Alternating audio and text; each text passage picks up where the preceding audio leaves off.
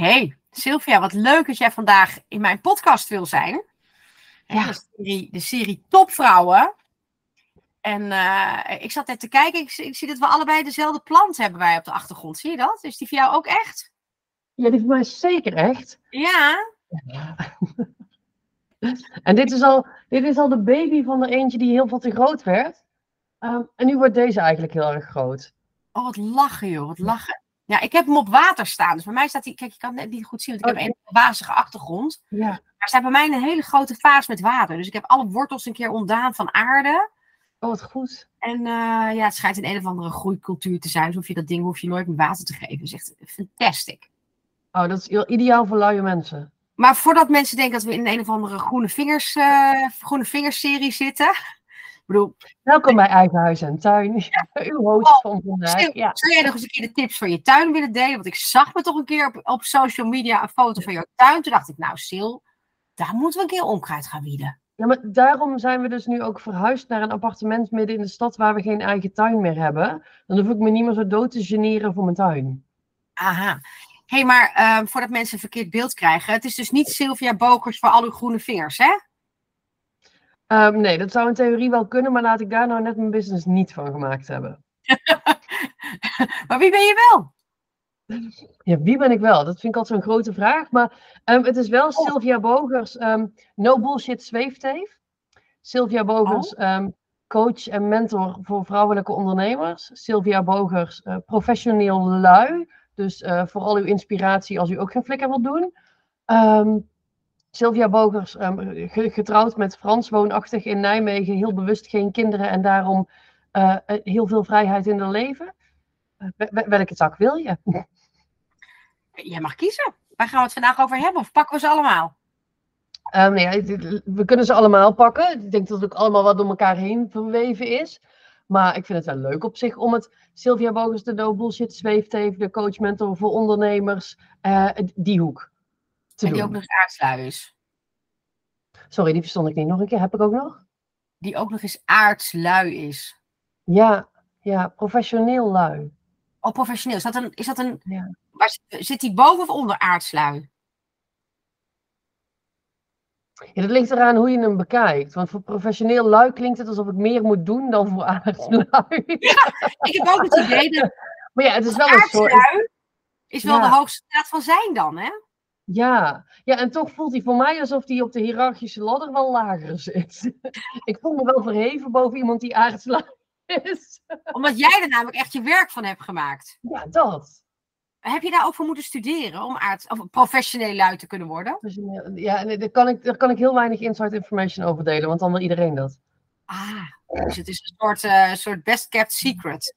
Ja, maar het is wel, het is, het begint, ik al het tipje van de sluier, het begint bij jezelf altijd de vraag stellen, ja, moet dit nou echt? en kan het ook met minder moeite?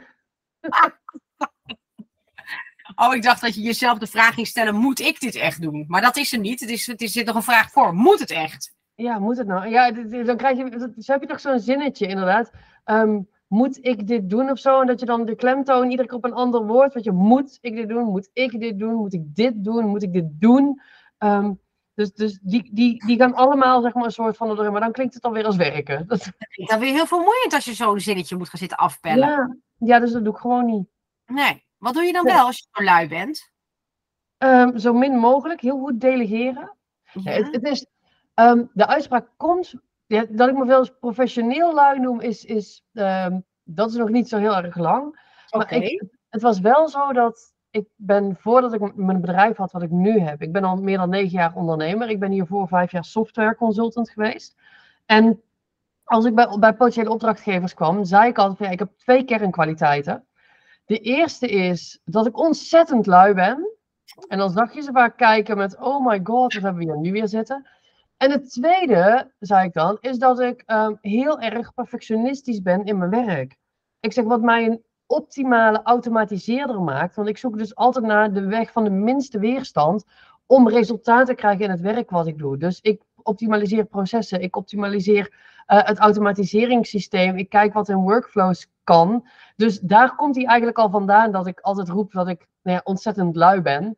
Omdat dat voor iemand die processen wil optimaliseren en die, die dingen wil automatiseren, denk ik de beste eigenschap is die je kunt hebben.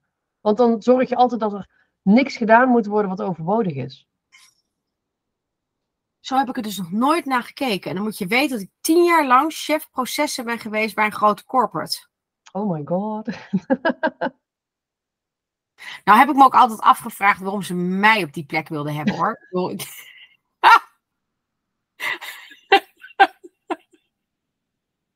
nee, je hebt er wel gezeten dus. Zeker. En ja. volgens mij ook nog best redelijk succesvol. Maar ik bekeek het niet altijd vanuit hoe lui kun je zijn, maar hoe kun je zoveel mogelijk waste uit processen halen. Dus hoe ja. kun je alles wat onnodig is er gewoon altijd weer uitsnijden. Ja. En daar zat voor mij altijd wel een beetje de uitdaging om, om permanent te kijken van, moet dit nou echt? Of voegt het eigenlijk stiekem niks toe? Ja, waar, waar is het fluff inderdaad? Waar is het, is het om, om iemand bezig te houden of om onszelf bezig te houden? Ja, en weet je, ik, ik heb energie voor tien en ik vind het ontzettend leuk om dingen te doen. Maar ik doe wel graag dan de nuttige dingen. Weet je, met, met het beetje tijd wat ik heb, dan wil ik hem graag ook zo, en dat bedoel ik gewoon in mijn hele leven. We weten allemaal niet hoe oud we worden. En ja, ik zei vanmorgen nog tegen mijn personal trainer, ik zeg, ik weet niet, ik zeg maar, waar is november gebleven? Um, gisteren knipperde ik met mijn ogen, was het oktober. Nu is het 27 november dat, dat we dit opnemen. Maar met de tijd die ik dan heb, ja, wil ik gewoon leuke dingen doen. En wil ik dus zo min mogelijk dingen doen ja, die niet leuk zijn. Of die niet hoeven. Heb je altijd deze grondhouding gehad? Of is er iets gebeurd waardoor je zo bent geworden? Hmm, goeie vraag. Um, ik denk wel dat het er altijd in heeft gezeten. Ik denk wel dat ik altijd de weg heb gezocht waar het meeste gemak zit. En dan niet dat ik me ergens makkelijk van af probeer te maken, maar dat binnen de dingen die ik wil of die moeten gebeuren, dat ik dan wel altijd keek van ja, maar hoe dan zo makkelijk mogelijk? En het is niet zo dat ik, dat ik als tiener bijvoorbeeld het type was een 5,5 is ook voldoende. Dat ben ik tegenwoordig wel. Als ik nu terug zou moeten gaan studeren, zou ik zorgen dat ik voor alles een 5,5 en dan ben ik gewoon klaar. Maar ik was op school, ik was, ik was best wel, nou ik heb wel HAVO gedaan. Ik kon ook VWO, maar dan moest ik iets meer doen. Uh, ik heb HAVO uiteindelijk gedaan.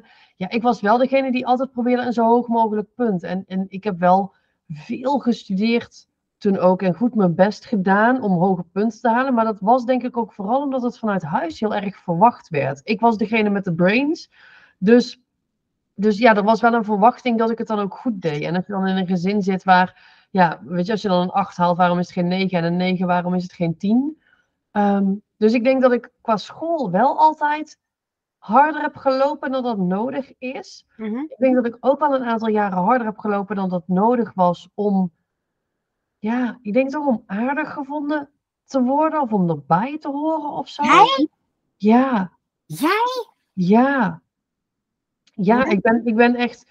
Um, Joh, what happened? nee, ik ben, um, toen ik op school zat, ik heb helemaal niet zo'n fijne schooltijd gehad. Ik ben, uh, ik ben gepest, ik ben genegeerd, ik hoorde nooit ergens bij. En ik wilde er wel heel graag bij horen. Dus wat ging ik doen? Is ik ging mijn gedrag aanpassen om erbij te horen. Dus wat ik dan op onbewust niveau deed, is ik maakte constant analyses van mijn omgeving. En ging dan mijn best doen om gedrag te vertonen, waardoor ik daarin zou blenden. En ja.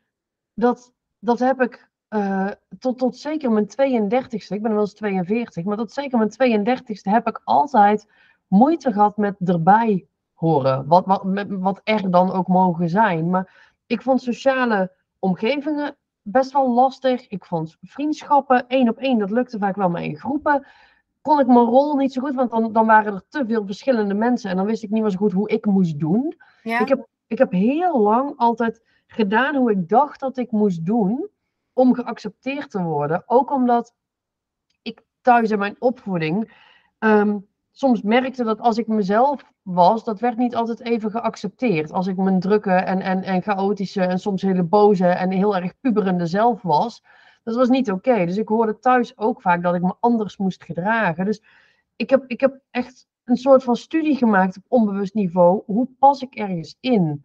En dat heeft me uh, een aantal depressieve, depressieve periodes opgeleverd. Dat heeft me een burn-out opgeleverd. En dat heeft me altijd het gevoel opgeleverd, ik hoor nergens bij hoe hard ik mijn best ook doe.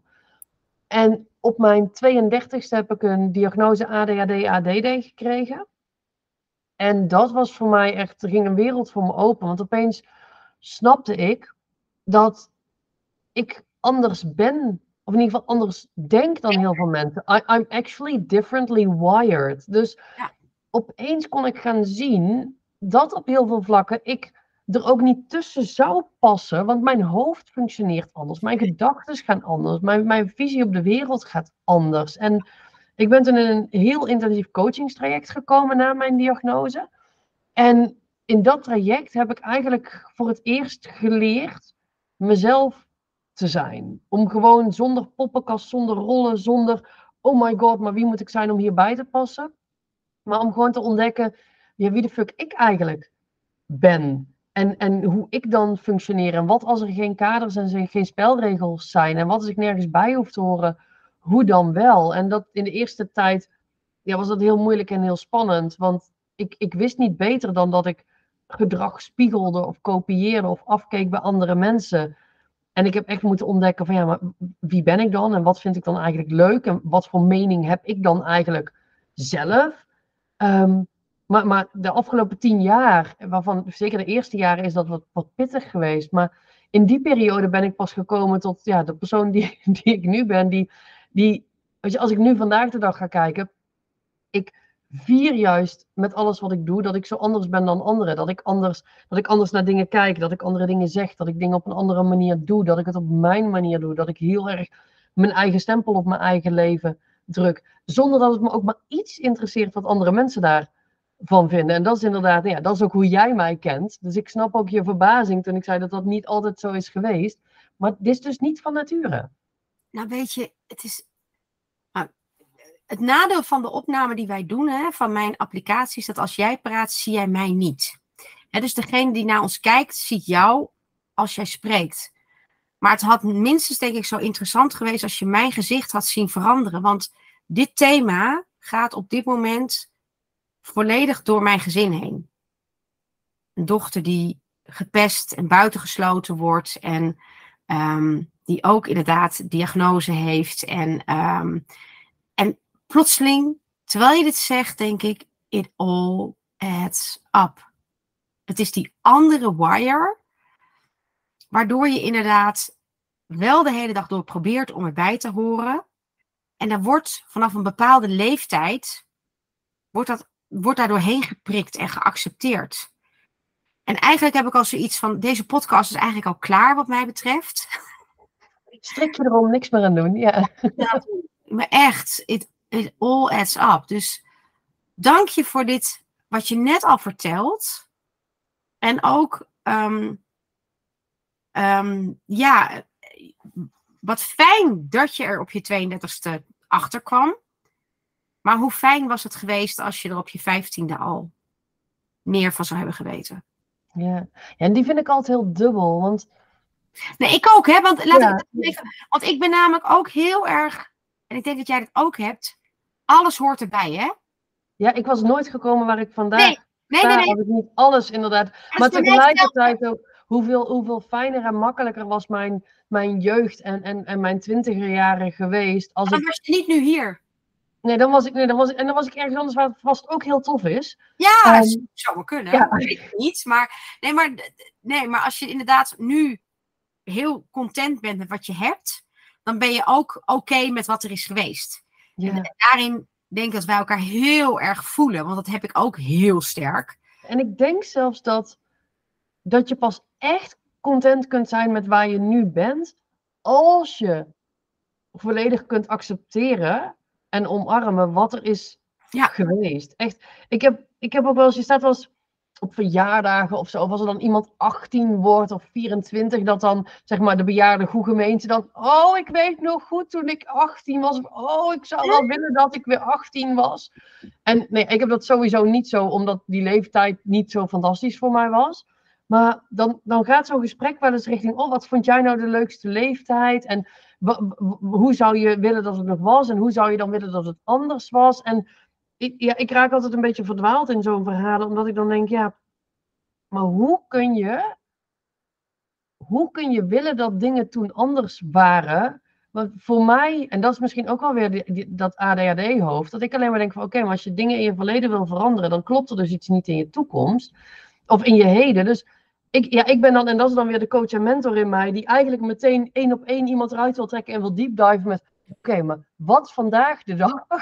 Dat vind ik nou gewoon zo machtig interessant. Ik denk, oké, maar wat is er vandaag de dag dat eigenlijk niet helemaal lekker zit, dat ergens Ja. rammelt? Ja, ja, ja, waardoor je dat wil veranderen. Ja, Dat je de uitkomst van vandaag anders zou hebben dan wat die is. Ja, ja. want- oh, ik herken het heel goed wat je zegt. Want ik wil zo ontzettend nooit meer 18 zijn, nooit meer 19 zijn. Maar ik wil ook nooit meer gisteren. Ik, ik, ik bedoel, ik, ik groei iedere dag. Ik wil nooit meer 41 zijn. Ik wil heel graag 43 worden over een paar maanden. Maar ik hoef het ook vandaag nog niet te zijn. Ik, ik, en dat is misschien ook wel ehm, dat. Ik was voorheen altijd heel erg bezig met, met of de toekomst of het verleden. Ja. En ik leefde ook of in de toekomst of in het verleden. Ik weet nog wel dat ik, dat had ik als kind en ook als tiener kan ik me echt nog herinneren dat. Stel je had dan een uitje waar je naar uitkeek. Weet ik veel, je ging met je ouders naar de Efteling. Ja. Maar dan zou je twee maanden later zou je met je ouders naar de camping gaan. Dan zou ik eerst heel erg uitkijken naar de Efteling. En op het moment dat ik in de Efteling was, zou ik al bezig zijn met naar de camping. gaan. ik was nooit in het moment. Of ik was heel erg bezig met iets wat al was geweest. En dat is denk ik ook al dat ik tegenwoordig gewoon zo met het nu bezig ben. Dat nu, nu is ook, ja, het lekkere is ook dat, wacht, ik ga even proberen één zin ook af te maken. Ehm, het is, Doe je best. ja, ik, ik kan dit. Ik, ik kan dit. Maar het toffe van, van het in het nu is, dat in het nu is er nooit een probleem. Weet je, het is net als heel veel ondernemers die ik spreek, die dan helemaal preventief al in paniek zijn. Want wat nu als er volgende maand geen geld binnenkomt? Ja. Maar dan denk ik oké, maar, maar is er nu, in dit moment, is er nu echt een, echt een financieel probleem? Als in, kun je vanavond geen eten op tafel zetten? Ja, Nee. ja, ja, ik snap hem. Ja, en, en vaak is er dan nu geen probleem. En dan denk ik, nou, wa- waarom maak je je dan zo druk om morgen als er vandaag nog eten is? Want je morgen weer een dag, misschien win je wel gewoon de lotto. Of, of loop je over straat en ligt er gewoon, weet ik veel, 100 euro. Eh, En, en hoe wordt er dan op gereageerd? ja, veel mensen erroren daar toch wel op. Ja. Ja, het is, dat, dat, dan denk ik te Ook dat makkelijk. je al vastgeeft, hè, om altijd bang te zijn voor morgen. Ja, maar dat, dat is een, een cirkel waar we in zitten. En ja, loslaten wat er morgen gebeurt, vraagt dus loslaten. En heel veel mensen houden zo graag vast. Ja. Dat is ook waarom heel veel mensen zoveel shit in hun hoofd hebben zitten. Ehm, en hun leven eigenlijk niet zo leuk is als dat ze zouden willen. Dat is ook waarom heel veel ondernemers een business runnen waar ze eigenlijk niet heel blij van worden. Maar deze business kennen ze. En nu weten ze in ieder geval, ze weten, ze weten nu de mate van niet blij. En dat is nog altijd fijner dan het risico dat ze nog minder blij gaan worden. Voor veel wel. Als ik kijk dat ik dit jaar, ik ben gestopt met een, met een traject wat ik had voor starters, waar ik vorig jaar twee ton omzet mee heb gedraaid. Ik weet zeker dat de meeste ondernemers hadden een mouw gepast aan dat traject. Waar, ja, misschien moet ik een do-it-yourself of misschien moet ik een automated webinar. Terwijl voor mij, ik voelde aan alles, ja, maar deze kost me nu energie. En de euro's die het opbrengt, is het niet waard. Ja, en dan stop ik dus met zo'n traject. Terwijl de meeste mensen houden dan wel vast. Want ja, vorig jaar heb je er twee ton mee gedaan. Lef. Ja, en ja, Fout van En- leven, hè? wat zei je? Lef is het enkelvoud van leven. Ja, want, want voor mij voelt het. Zeggen mensen ook, oh wat knap dat je dat gedaan hebt. Ik denk, knap dat ik het gedaan heb. Ik vind het knapper dat je het volhoudt. Dat je blijft doen waar je niet blij van wordt. En dat is nu ook waar ik in mijn business gewoon het meeste mee bezig ben. Constant met vrouwen aan het werken om te zorgen dat, dat het leuker wordt. Dat het fijner wordt. Dat het makkelijker wordt. Dat al die bullshit verhalen die je jezelf in je hoofd vertelt waarom dingen moeten zijn zoals ze zijn. Of waarom je aan dingen vast moet houden. Alles tegen het licht houden. En kijken waar, waar het gewoon niet waar is. Waar je problemen hebt bedacht omdat dat veiliger is dan geen problemen hebben. Hey, wat maakte dat jij op je 32e bent gaan onderzoeken of je ADHD of ADD had? Was dat in een, je noemde net al even burn-out. Was dat toen?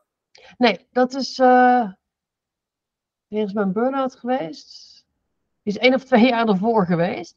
Nee, hoe dat is gekomen is. ehm, ik had het zelf nooit bedacht. Want ik had zelf altijd bij ADHD ook het beeld van, van jongetjes die heel druk zijn en in bomen klimmen en een broek kapot vallen en zo. Meisjes en ADHD, dat hele, zat sowieso niet in mijn systeem, dat idee. Maar mijn, uh, mijn broertje, die had een diagnose gekregen. En er was wat tussen ons voorgevallen. Toen had ik maar de telefoon en toen bood hij zijn excuses aan voor wat er voorgevallen was. En toen kwam heel dat verhaal eruit dat hij blijkbaar een tijdje bezig was geweest bij um, artsen, bij psychologen. En dat er dus uit was gekomen dat hij ADHD had. Ja. Waarop ik aan hem vroeg van, goh, maar hoe, hoe, hoe merk jij dan in jouw leven dat je ADHD hebt? Weet je, wat, wat, want je kunt zo'n stempel wel roepen, maar ik snapte niet, weet je, dan kan ik zelf een plaatje daarbij maken, maar ik wilde weten hoe is het plaatje voor jou? Dus ik stelde hem vragen en ik vroeg hem mij uit te leggen wat dat betekent in zijn leven. En hoe meer hij praatte, hoe meer ik aan de andere kant van de telefoon zat van, nee, nee, nee, nee, nee, nee, je moet niet vertellen hoe mijn leven eruit ziet, je moet vertellen hoe jouw leven eruit ziet. En hoe meer hij vertelde, hoe meer, hij, hoe meer ik dacht, fuck fuck, bijna alles wat hij vertelt herken ik gewoon uit mijn eigen hoofd. Hoe was dat? Was het confronterend? Ja, dat was heel confronterend. Altijd heb je het altijd wel geweten? Nee, ik, ik, ik, heb, ik heb altijd gedacht dat, dat er. Ja, ik heb in zoverre, ik heb altijd gedacht dat dat er iets mis met mij was. Niet in de zin van dat ik een stempel had, maar dat ik het gewoon niet begreep of zo. Of dat ik het leven niet begreep, of dat ik het te moeilijk of te zwaar maakte. Getuigen mijn depressieve periodes en mijn, en mijn burn-out. En het was heel confronterend, maar ook heel verdrietig. Omdat ik dacht, ik heb zoveel hulpverleners gezien. Van, van huisarts tot maatschappelijk werkers tot psychologen aan toe. Niemand heeft het ooit bedacht? Niemand. Hoe dan? Ja, maar dat, en dat, dat was misschien nog wel het meest pijnlijke. Dat je dus best wel gewoon wat hulpverleners gezien hebt. En dat er gewoon niemand ooit heeft bedacht dat ik wel eens um, ehm, ADHD of ADD, in mijn geval dus allebei, kon hebben. En hoe werkt dat dan allebei? Want ik dacht dat je hebt of de hypervariant of de gewone. Nee, ja, het, het, het, hoe het precies werkt, weet ik ook niet. Maar um, de, de ADHD, die, de, ja, de, de, H is, is hyperactief, maar heeft ook met hyperfocus te maken. Dus de, de, het H-stuk van de ADHD, die zat voor altijd in mijn hoofd. Dus hoe ik het heel vaak heb omschreven aan mensen, is... Het is in mijn hoofd alsof ik 24-7 36 radiokanalen open heb staan die allemaal nieuwsuitzending hebben. Die allemaal iets belangrijks willen vertellen. In mijn hoofd is het altijd, gaat het maar door, door, door. Ik moet zeggen, de laatste jaren ehm, eigenlijk niet meer zo. Op een of andere manier heb ik geleerd daarmee te leven. Nou ja, dat is niet op een of andere manier. Ik heb een tijd medicatie geslikt, ben ik op een gegeven moment gestopt. Ik heb die coaching toen gehad. Ik heb heel veel aan mezelf gewerkt. Waardoor ik nu, nou ja, ik heb nu zelfs denk ik af en toe gewoon bijna radio stilte. Of dat er uit een paar kanalen. En er is wel, er lopen af en toe wat lijstjes door maar het is niet meer heel druk. Niet meer zo druk als dat het ooit is geweest. Maar bij mij zat de drukte dus vooral heel erg in mijn hoofd.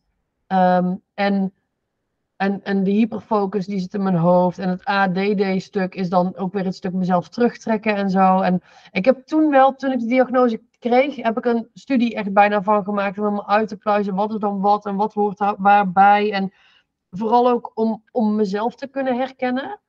Ehm, maar ik ben het op een gegeven moment ook helemaal los gaan laten. Ik denk ook als ik nu mezelf zou laten testen, dan weet ik niet eens of er nog iets uitkomt. Omdat ik uh, mijn, eigen ADHD, ADD zo omarmd heb. En vooral heel erg ben gaan kijken van oké, waar, waar, waar functioneer ik nou eenmaal anders dan andere mensen? En hoe kan ik daar een soort van de spelregels voor ontwikkelen, zodat ik ook bij mensen aan kan geven. Ik heb bijvoorbeeld, stel we hebben met elkaar afgesproken en jij, jij zou, om, jij, zou om twee uur middags bij mij zijn. Je moet een uur rijden, maar je zou ook even appen als je vertrekt.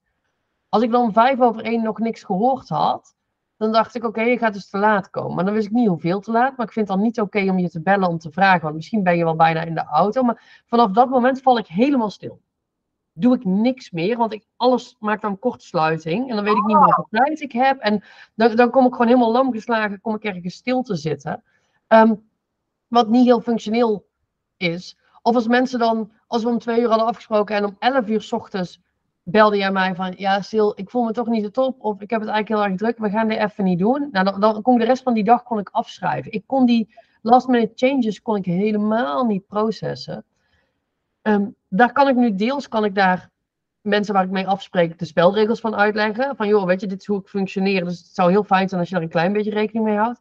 En als nu iemand om 11 uur s ochtends af hebt, dan denk ik, ah, ik krijg gewoon een hele dag cadeau. Ja. En nu kan ik daar heel goed mee. En, en als nu iemand wat later is, denk ik, oh, dan kan ik nog even op mijn gemakje zitten. Of kan ik even dit doen, of kan ik even dat. Maar ik heb daar heel lang gewoon niet mee om kunnen gaan. Dus het was voor mij een stuk mijn eigen spelregels leren kennen. Waar werkt mijn hoofd anders dan bij andere mensen? Um, ik ben de vraag kwijt. Waar ben ik naartoe aan het gaan? De vraag was eigenlijk heel simpel. Waarom ben je het gaan onderzoeken toen je 32 was? oh, ja. oh ja, daar ben ik ergens afgedwaald. Nee hoor. Um, nee, nee, want ik, ik, ik hang aan je lippen. Uh, ik heb namelijk een ADHD-dochter biologisch. En een ADD, vermoed ik, dochter, een bonus. Ja. En um, het grappige is dat ook nu het professioneel lui zijn, begint bij mij ook uh, meer uh, uh, zijn plek te krijgen. Ik noem namelijk onze ADD'er ook altijd de rem van het gezin. En daar zit namelijk wel een stukje professioneel lui zijn, zit daar ook wel in. Juist in die ADD'er dus die, niet, ik heb er twee trouwens met ADHD, dus uh, alle drie, lekker. Ja, een jackpot, hè? Lekker. Zeker. En dan zeggen ze al tegen mij, oh, dat hebben ze zeker van jou. Dan zeg ik, nee, ik ben gewoon druk. Ik heb absoluut geen ADHD of ADD, ik ben gewoon druk. En het verschil is namelijk dat ik me wel ongelooflijk goed kan concentreren. Mijn hoofd heel rustig leeg kan maken en al dat gedoe niet heb. Maar. Ik kon me ook concentreren, maar dan hyperfocus. Dus dan verdween de hele wereld. Ja, ja, ja, ja, ja. Maar ik, ik, herken wel ook hoe je je altijd hebt aangepast aan je omgeving en ook in vriendschappen. En hoe um, een bevrijding het is op het moment dat je dat eigenlijk niet meer doet. Ja omdat je gewoon oké bent zoals je bent en dat je voelt dat dat ook gewoon er mag zijn. Ja, en het, het meest bijzondere is, en dat, dat had ik toen nooit kunnen geloven of in kunnen denken, dat vanaf het moment dat ik leerde dat wie ik dan ben en hoe ik dan functioneer en dat dat, dat mag zijn, dat, dat ik echt volledig en volwaardig ben zoals ik ben, ook wanneer ik me niet aanpas. Um, dat, dat heeft steeds meer vorm gekregen. En als ik dan nu ga kijken, is juist omdat ik zo ontzettend mezelf ben, juist omdat ik zo enorm doe wat bij mij past en wat voor mij klopt, dat ik een mega voorbeeld ben geworden voor andere vrouwen. Die denken, oh my god, die Sil die doet gewoon en without any single fuck given. En die weet zo goed, ik weet heel goed in te tunen bij mezelf. Helemaal, wat wil ik nu eigenlijk? Ik voldoet dus bijna niet meer aan sociaal-maatschappelijk gewenst gedrag. Ja. en niet om, om tegen een ander iets te doen, maar omdat ik gewoon heel graag heel goed voor mezelf zorg. En dat blijkt dan dus voor heel veel mensen mega inspirerend te zijn. Um, omdat we met z'n allen, zeker vrouwen, zo gewend zijn om ons aan te passen aan de ander. Ja, en ik ben er gewoon mee gestopt. Ik heb het 32 jaar gedaan. Ik ben er echt mee gestopt. Ik doe het niet meer ik wilde trouwens nog ergens op inhaken, maar je had me van tevoren al gewaarschuwd. Je zei als ik eenmaal praat, want ik, ik had natuurlijk gevraagd, wees een beetje kort en bondig zijn. Nou, ik ben alles behalve kort en bondig. Ik zei nou, goed hoor. Je zei namelijk, um, ehm, 32, toen kwamen ze er pas achter. Weet je hoe dat ook komt, Sil? Mhm. Dat het bijna niet bekend is hoe je het ontdekt bij vrouwen. Ja. Ook hier is de medische wetenschap gierend achter op de symptomen Hè, of, het, of het gedrag wat vrouwen met ADHD of ADD tonen ten opzichte van jongetjes of mannen.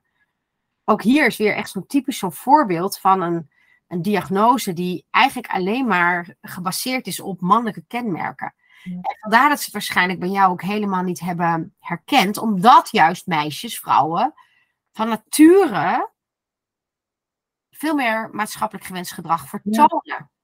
Ja, en dat. Um... Op een gegeven moment moest dat bij jou natuurlijk, kon het niet meer. Ja. En aan alle kanten dacht je van. Ah.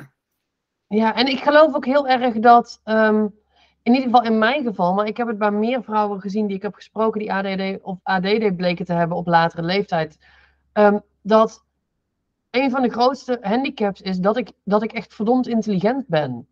Dus, de meeste ADD en ADD vrouwen. ja, de- maar daarmee weet je dus ook nog eens heel goed al je struggles en zo heel erg te maskeren. En dan ben je ook nog eens heel goed in overal in pogen mee te brengen. En weet je, de andere mensen hadden nooit zo door hoe ik worstelde met erbij horen. Ik had daar meer moeite mee dan zij. Maar dan ook omdat ik wel gewoon functioneer en wel kon, kon leren. En ja, het is, het is, vrouwen zijn, zijn vaak te slim om andere mensen te laten zien ehm, waar ze tegenaan lopen. Ja. Ja. Fijn dat het er nu wel uit is. Ja, Ik wist dit dus niet van jou. nee. Ja. Je loopt er ook helemaal niet mee te koop. Nee. Nee, het is ook iets wat ik, wat ik niet. Het is niet iets wat ik verzwijg. Nou, je merkt ook hoe makkelijker ik er hier over praat. Maar het is inderdaad, het is niet iets wat ik heel erg aan de grote klokken. Maar dat is denk ik ook vooral omdat. ehm, ja, om, om, omdat alles wat er bij mijn ADHD, ADD hoort, is inmiddels zo ik. Dat het. Ja, ik, ik zet hem nog wel eens in als dat ik tegen mensen zeg: Oh, maar dat is mijn ADHD. Of ja, of als mensen me heel druk noemen, zeg ik: Ja, dat is mijn ADHD. Maar over het algemeen, het is gewoon ik. En ik weet ook, ik, ik weet ook oprecht niet, zeg maar, waar mijn ADHD, ADD stopt en waar mijn karakter begint. En, en waar, het, waar, de, waar de overlap zit. En Is dat, is dat er überhaupt? Is die. Is ik die heb geen idee. Ik heb is geen idee. all blended? Ik, ja, ik, ik weet het niet. Ik weet het echt niet, Annemarie. Ik ook niet. Is het belangrijk? Nee, voor mij dus niet. Nee. Nee, dat was het toen ik net die diagnose kreeg en mezelf moest leren kennen, vond ik het belangrijk. Toen wil- wilde ik echt al die lijstjes met symptomen en zo, dat was toen heel belangrijk, want dan had ik iets om aan vast te klampen. Oh ja, die heb ik ook. Vink, vink, vink, vink, vink, vink, vink, vink. Ja, dat. Maar die heb ik niet meer nodig. Nee. Nee. En nu is het gewoon dat als ik de keus heb, zal ik altijd kiezen voor hetgeen wat mij juist anders maakt dan anderen. Wat mij juist uniek maakt. Zal ik me juist uitspreken over dingen waar iedereen als makke schapen dezelfde kant op loopt. Zal ik juist tegen dingen aan gaan lopen schuppen om te kijken wat er dan los komt rammelen. Ehm, omdat ik inmiddels gewoon weet dat juist door dat te doen, ik andere mensen het meeste inspireer en het meeste bij kan dragen aan hun leven. Ja. Hey, waar heb je nou het afgelopen jaar het hardst tegenaan geschopt waar een ander het liet liggen? Hmm.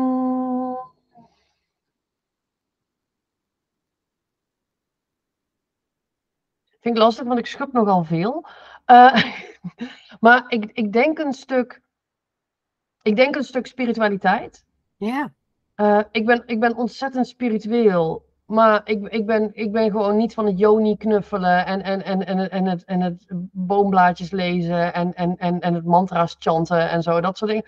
Ik ben heel spiritueel, maar echt mega nuchter. En ik vind dat er vaak veel te veel bla bla om spiritualiteit hangt. Alsof het iets magisch en iets kosmisch. En, en dat is het, maar tegelijkertijd is het ook gewoon echt heel erg aards.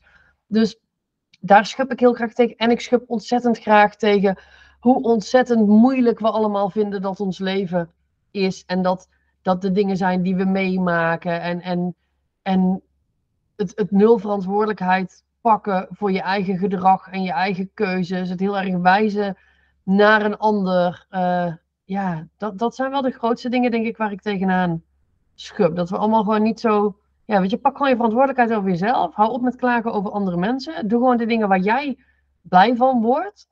Mhm. En, en stop met zeiken, vooral dat. Het leven is allemaal niet zo moeilijk, ehm, maar je moet zelf niet zo moeilijk doen.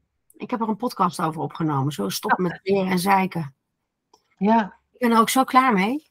ja. Ja. Ja, Dus- ja en wat, wat natuurlijk wel heel hypocriet is, want dan ben ik aan het zeiken over zeikende mensen. En dan, Dus we houden er ook over op.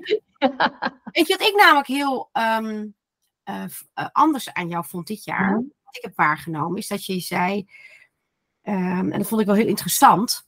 eh, ik, moet, ik moet even de juiste woorden zoeken. Ehm, als je alles hebt gedaan en ehm, eh, om het gewoon maar in je hoofd te accepteren dat de dingen gebeuren zoals het gebeurt, maar je lijf wil niet mee. Mhm. Ik heb het idee dat je daar wel echt iets nieuws in bent geslagen. Of deed je dat Ja, eigenlijk dat- altijd ja, al, dat niet op? Nee, nee, nee, dat is, maar dat is voor mij niet iets waar ik tegenaan ben gaan schuppen, maar dat is iets wat ik zelf inderdaad heb ontdekt. Dat, dat daar gewoon, nou ja, misschien wel de grootste gemiste kans ooit zit bij zelfontwikkeling. Ja. Ehm, want het is inderdaad wat je al zei. Dat, ik spreek zoveel mensen die. Ja, even voor, voor de luisteraars die mij verder ook niet kennen. Ehm, ik, ben ook, ik ben ook hypnotherapeut, ik ben traumatherapeut, ik werk met Kundalini-energie, ik, eh, ik, ik, ik, ben, ik ben coach. Ehm, ik, ik ben van nature heel nieuwsgierig en heel erg. Ik hou me heel erg dom, dus ik vraag altijd door, ook al denk ik het antwoord misschien te weten. Maar ik heb altijd heel erg alles vanuit het hoofd aangevlogen. Ook als hypnotherapeut vloog ik heel veel dingen vanuit het hoofd aan. Maar wat ik merkte is dat er vaak gewoon dingen in het hoofd al opgelost zijn, weet je. Of, of dat mensen ook zeggen van ja, nee, maar ik weet waar het vandaan komt. Ja, dat komt uit mijn jeugd. Ja, dat is cool dat je weet het vandaan komt. Maar dat lost dus je probleem niet op. En ik heb zelf mogen ontdekken dat ik had ook heel veel dingen die ik met mijn hoofd prima weet. Ik kan het allemaal beredeneren, ik kan het allemaal uitleggen, ik weet het vandaan komt. Maar toch bleef ik last houden van sommige dingen. En ik heb dus inderdaad ontdekt dat ehm, we eigenlijk ons lijf vaak vergeten. En trauma's, en, en trauma kan zijn als iemand je op de snelweg gewoon eh, afsnijdt, dat, dat, dat is al een trauma. Speldenknop groot misschien, weet je, het is niet niks in vergelijking met seksueel misbruik, maar het zijn allemaal kleine traumaatjes. En die gaan in ons lijf zitten. En dan kun je het nog zo proberen met je slimme hoofd op te lossen. Alleen vaak is dat hoofd juist te slim en die weet alles te bagatelliseren en alles plat te slaan. Maar dat lijf heeft nog steeds ergens trauma zitten. En zolang je het, als je het met je hoofd niet opgelost krijgt, dan zit de oplossing niet meer in je hoofd. Dan, dan zit de oplossing in je lijf. Als je het met je hoofd niet opgelost krijgt, dan zit het dus niet in je hoofd. Ja, nou, Ja, als, je al, heel als, je. Als je al te veel getherapiet en zo hebt en alles al compleet platgeslagen, maar je blijft. Een voorbeeld was een vrouw die een tijdje geleden bij mij was. Zij, eh, zij heeft te maken gehad met seksueel misbruik, flink seksueel misbruik in haar jeugd. En zij heeft daar heel veel therapie op gehad. Met haar hoofd kon ze alles plat slaan. Ze zegt, maar Sil, op het moment dat ik een kroeg binnenstap, staat mijn lijf staat, staat, staat meteen op standje spanning. En ik moet meteen weten waar alle nooduitgangen zijn. Ze zegt, ik heb zoveel getherapied, maar mijn lijf slaat gewoon meteen op standje spanning.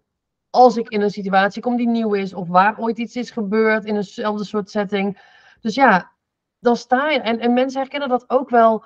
ehm, dat, stel je moet een presentatie ergens geven. We weten allemaal, je gaat niet dood, je plast niet in je broek. De kans dat ze je allemaal uitlachen is niet zo heel erg groot. Dus met ons hoofd kunnen we alles plat rationaliseren. We, we weten ons verhaal. Je weet altijd nog wel wat je kunt doen. Bla bla bla bla bla.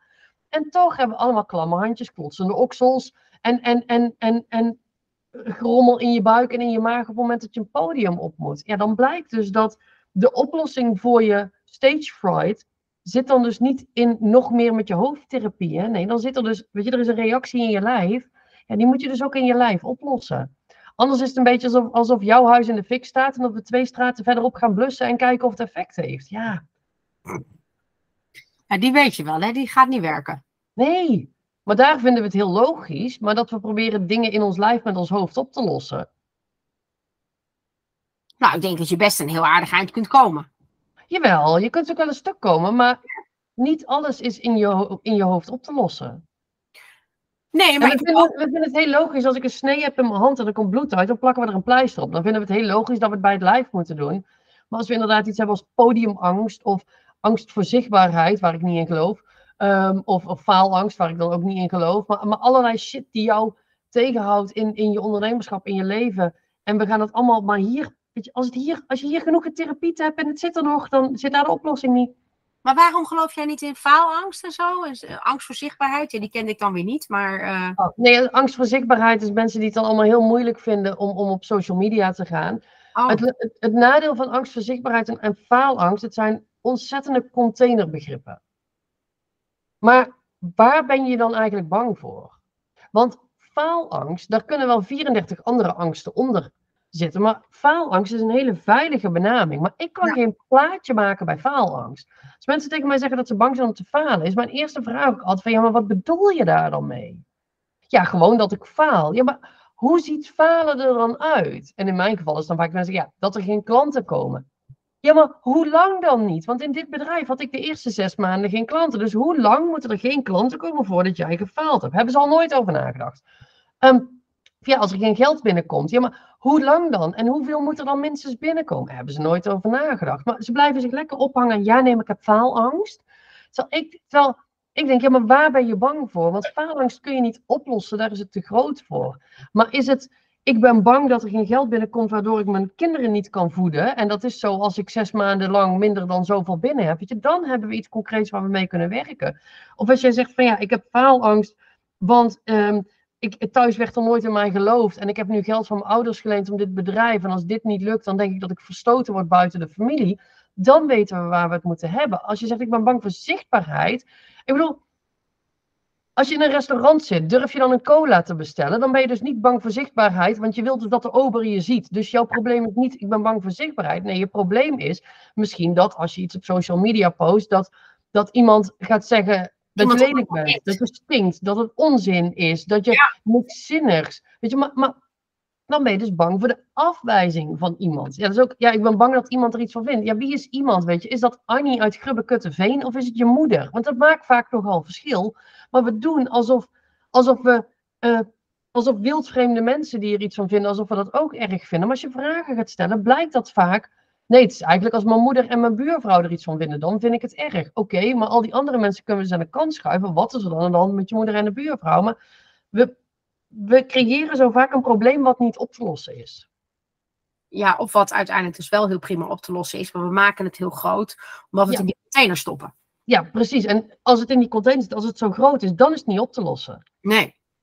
Weet je, het is net als je kunt wereld, of, of je kunt wereldvrede, het, het gebrek daaraan, kun je niet oplossen. Maar dat wil niet zeggen dat je niet op hele kleine schaal ergens iets heel kleins kan doen. Maar als we maar blijven hangen aan dat we wereldvrede willen, ja, is never going to happen. Want het is te groot. Maar dat doen wij als mensen dus ook met problemen. We maken onze problemen vaak heel groot. Waarom doen we dat dan? Waarom dan, doen we dat? Dan hoeven we er niks mee. Maken?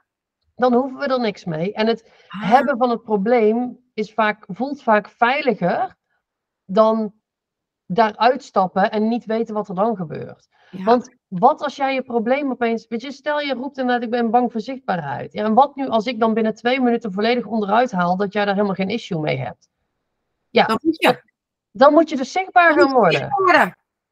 Dus het is veel lekkerder om te zeggen dat we dat niet durven. Maar dat is ook, weet je, de mensen waar ik mee werk. Ehm, je, je, je komt bij mij alleen maar als je het echt op wilt lossen. En, en ongeacht het probleem waar je mee aankomt, eigenlijk binnen twee minuten heb ik je meestal in ieder geval verteld dat dat je probleem niet is. Maar oh. het, is, het, ja, het is gewoon een soort veiligheid. We, we houden zo graag vast aan wat we kennen. Dat moet genieten zijn voor je. Dit, dit is het allerleukste werk ever. Ja. Ja. Voor die anderen is het overigens niet altijd even lekker. Nee, nee, dat, dat geloof ik ook. Geloof maar, ik ook. Maar dat, ik weet wel... Nog, dat ze dan toch nog betalen om met jou te mogen werken. Je zou subsidie moeten krijgen. Ja, eigenlijk wel. Ja. Ken je nog iemand die dat soort trajecten doet? Want uh, dan mogen ze het even regelen. Want ik ga het zelf natuurlijk niet uitvinden. Nee, daar ben ik er lui voor. Ja. Hey, waar sta jij over een jaar? Dat weet helemaal niemand. Maar, maar wat zou je... Ik weet het, je wil alleen maar in, in vandaag, vandaag tot een goed einde brengen. Nee, in de zin, het, is, het is vooral ook dat het is niet dat ik geen doelen stel en niet vooruit kijk. Maar als je mij een jaar geleden had gevraagd waar ik vandaag stond, had ik alles gezegd behalve waar ik nu sta. Um, maar... Oké, wat, je dan, wat had je dan wel gezegd? We hadden dit gesprek een jaar geleden gevoerd. Dan denk ik dat ik had gezegd dat. Had ik uh, niet durven aanspreken nog hoor, dus dat even terzijde. je had me niet aan durven spreken, hoezo dat? Ja. Spannend. Wat dan? Nou ja, dat dan. Oh, echt? Mm. Jij? Mm. Oh, dat had ik echt nooit gedacht. zeker wel. Oeh, interessant. ja. Dus ik zal er overheen lullen en ik zal gewoon antwoord geven op de vraag. Vind je dat lekker? Nee hoor, oh, nee, nee, nee, nee. Ik vind het helemaal niet erg, maar... Uh... Wat vond je dan spannend aan mij? Niks menselijks is mij vreemd, hè? Nee, nee, maar wat vond je dan spannend aan mij? Ja, je bent een beetje, was altijd een beetje ondefinieerbaar, ongrijpbaar. Ja, heel, heel spannend, heel spannend. Ja. ik ben nog steeds wel ongrijpbaar. Ja, maar niet meer ondefinieerbaar. Ja, nee, nou ja, voor mij en niet. Nou, laat ik het zo zeggen. Misschien nog steeds ongrijpbaar, nog steeds heel erg ondefinieerbaar, um, maar wel heel erg bereikbaar. Ja. Nou, dat vind ik heel fijn om te horen. Ja, zeker. Je hoeft, je hoeft me niet te snappen, je hoeft me niet te kunnen pakken, maar het is wel fijn dat je het gevoel hebt dat je me kunt, kunt benaderen. Ja, ja, zeker. Ja, ja, zeker. Dus, uh, maar stel dat ik een jaar geleden dan, als ik het lef had gehad en ik had je aangesproken, zeg, goh, durf jij, wil jij mijn podcast? Durf jij mijn podcast? Hoe? Nee. Zou jij in mijn podcast willen, Sylvia? um, en ik had je die vraag gesteld. En je zegt net, Ik ben vandaag op allerlei plekken die ik een jaar geleden al niet had kunnen bedenken. Wat had je een jaar geleden dan bedacht? Dan had ik bedacht dat succesvolle start, het traject wat ik dus gestopt ben, Ja. dat dat, ik denk dit jaar drie of vier ton opgebracht zou moeten hebben. Een verdubbelaar? Ja, minstens de verdubbelaar natuurlijk. Ehm, dan had ik waarschijnlijk gezegd dat we waren begonnen aan de verbouwing van ons huis. Nou, dat is dus het huis ja, wat we verkocht hebben, omdat, we, omdat, omdat ik in juni opeens bedacht dat ik ergens anders wilde wonen. Ja, vanwege die tuin, ik snap dat wel. Ja, ja, ja, godverdomme zeg. Dat je dan denkt dat je een tuin moet terwijl je er vijf keer per jaar in zit en een pleurenzekel hebt en een ding onderhouden. Ja. Ehm, ik denk dat ik had gedacht dat ik nog veel meer bezig zou zijn met strategische dingen doen in mijn business. Dus ook klanten helpen met hun strategie. Dat ik misschien een jaartraject had voor meer gevorderde ondernemers om met hun echt op strategisch niveau. Ik, ik, ik denk dat het heel erg was geweest, gewoon door op de voet waarop ik bezig was. Ehm, dat. Ja, ik denk ook dat ik toen nog had gezegd van ja, dan, dan, dan dat ik minder ging werken, meer reizen, meer weg. Ja. Daar ben ik daar nog steeds niet heel vies van, maar Is best gelukt. ik ben dit jaar niet zo heel veel weg geweest. Nee? Of zes, zeven denk ik. Voor mijn gevoel eh, volg ik je op elke reis. Ben je doorlopend op vakantie, maar dat zal... Nee, eh, dit jaar viel het wel mee. Veel korte tripjes gedaan. Dat, eh, ja. ja.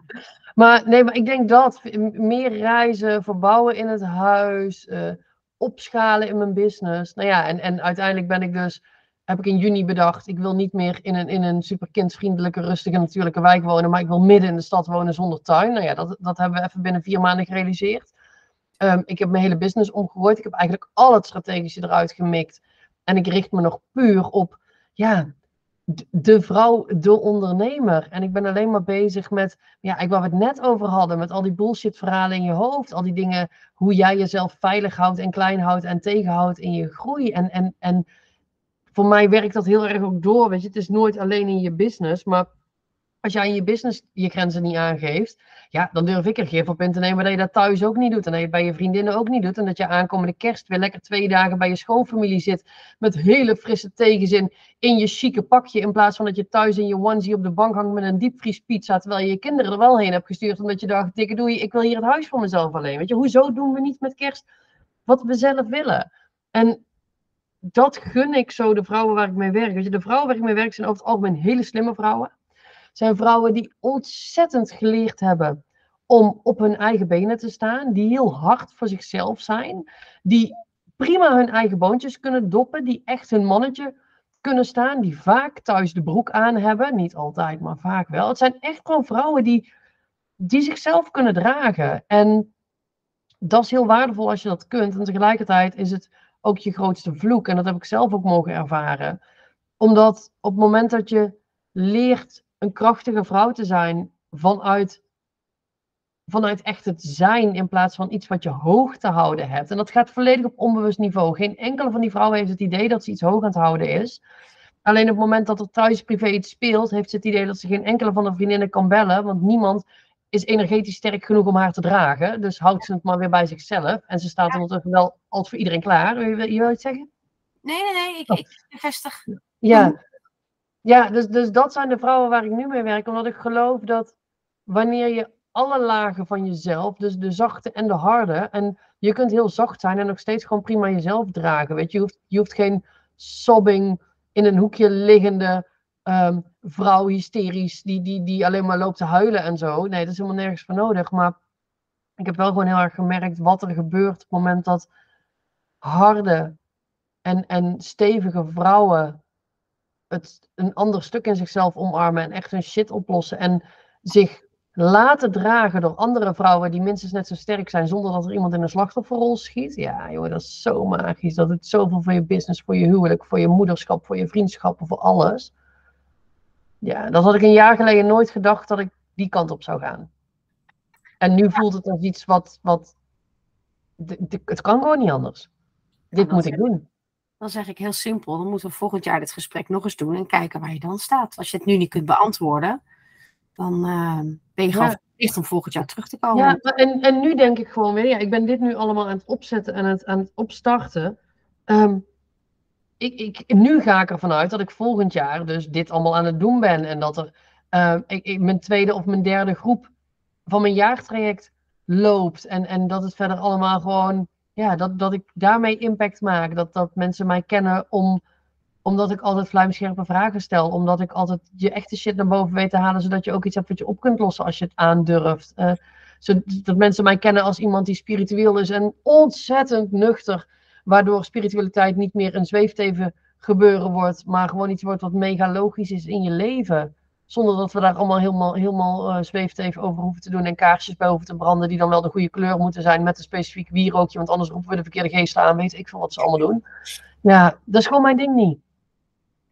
Ik steek gewoon een kaars aan en die blauw is omdat die blauw is en, en, en, en niet omdat blauw ergens voor staat. Hou op met me. Wat heerlijk. Volgend jaar kom je terug? Ja, is goed.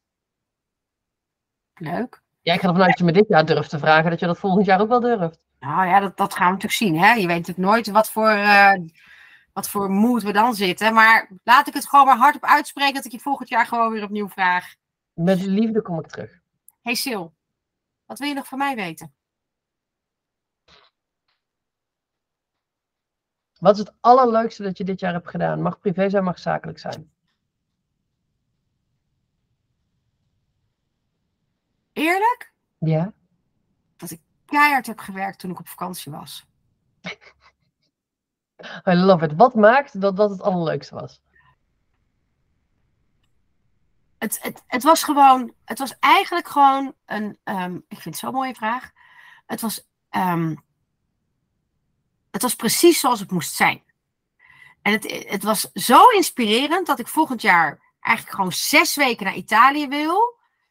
En niet die flow maar twee of drie weken wil, maar ik wil er minimaal zes weken hebben. Ik vond het zo heerlijk om daar, op die plek te zijn. En daar ook te mogen werken. En um, als ik er ook weer over nadenk, word ik weer zo gruwelijk gelukkig. Je, je begint ook te stralen. Ja, dus uh, uh, als je mij dan vraagt, wat was nou echt het allerleukste? Dat was ja, De vakantie. En we waren gezellig met z'n allen. En er waren hele dierbare vrienden. En we waren net met die cabrio van ons, uh, zijn we naar Italië gegaan. Dus alles was oké okay en fantastisch. Maar dat werk, dat daar zo een plek in kreeg. Toch heel gek om te zeggen, maar het was fantastisch. Dat was cool. Ja. En wat lekker dat je dat ook gewoon zo kunt omarmen. Want het, het, is natuurlijk echt ontzettend not done om te werken op oh. vakantie. En dan mag je het ook nog.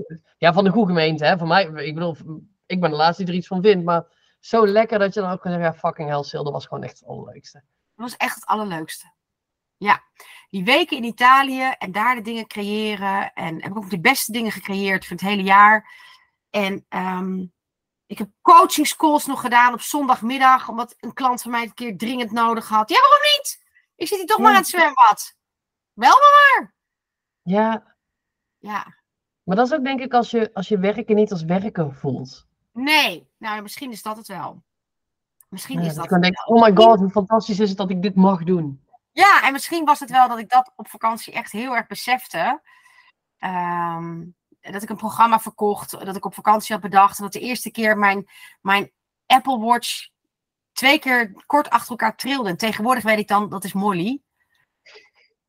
En dat ik echt dacht, nee, nee, nee, nee. Er heeft iemand gewoon ja gezegd. Nou, dat. Ja. Dat is heerlijk. Ja, ja. Dus um, dat was echt wel. Uh, nou, het jaar is er gelukkig nog niet voorbij. Dus wie weet wat er nog voor fantastische hoogtepunten aankomen. Ik heb deze week, dit jaar mezelf drie weken kerstvakantie gegund. Dus ook al een week ervoor. Waarschijnlijk ook gewoon weer om volle bak te gaan werken. Maar dus op een andere manier dan vanuit de afspraken. En ik kijk er heel erg naar uit. Want ik geloof dat daar gewoon de, de mooiste momenten in zitten. Dus dat. Cool. Mooi antwoord, dankjewel. Ook dankjewel. Dankjewel. Heb je alles kunnen zeggen? Nee. Nee, maar dat, ik bedoel, er is geen enkele podcast die daar lang genoeg voor duurt natuurlijk. Dat is het. Maar um, ik, ik geloof wel dat alles gezegd is wat gezegd mocht worden nu. Dus we uh, zijn een eind gekomen. Wat zei je? We zijn een eind gekomen. Ja, en als mensen mij weer meer willen horen zeggen, dan uh, moeten ze me maar gewoon opzoeken op Instagram of zo. Hartstikke leuk. Dankjewel, Sil. Dankjewel Annemarie.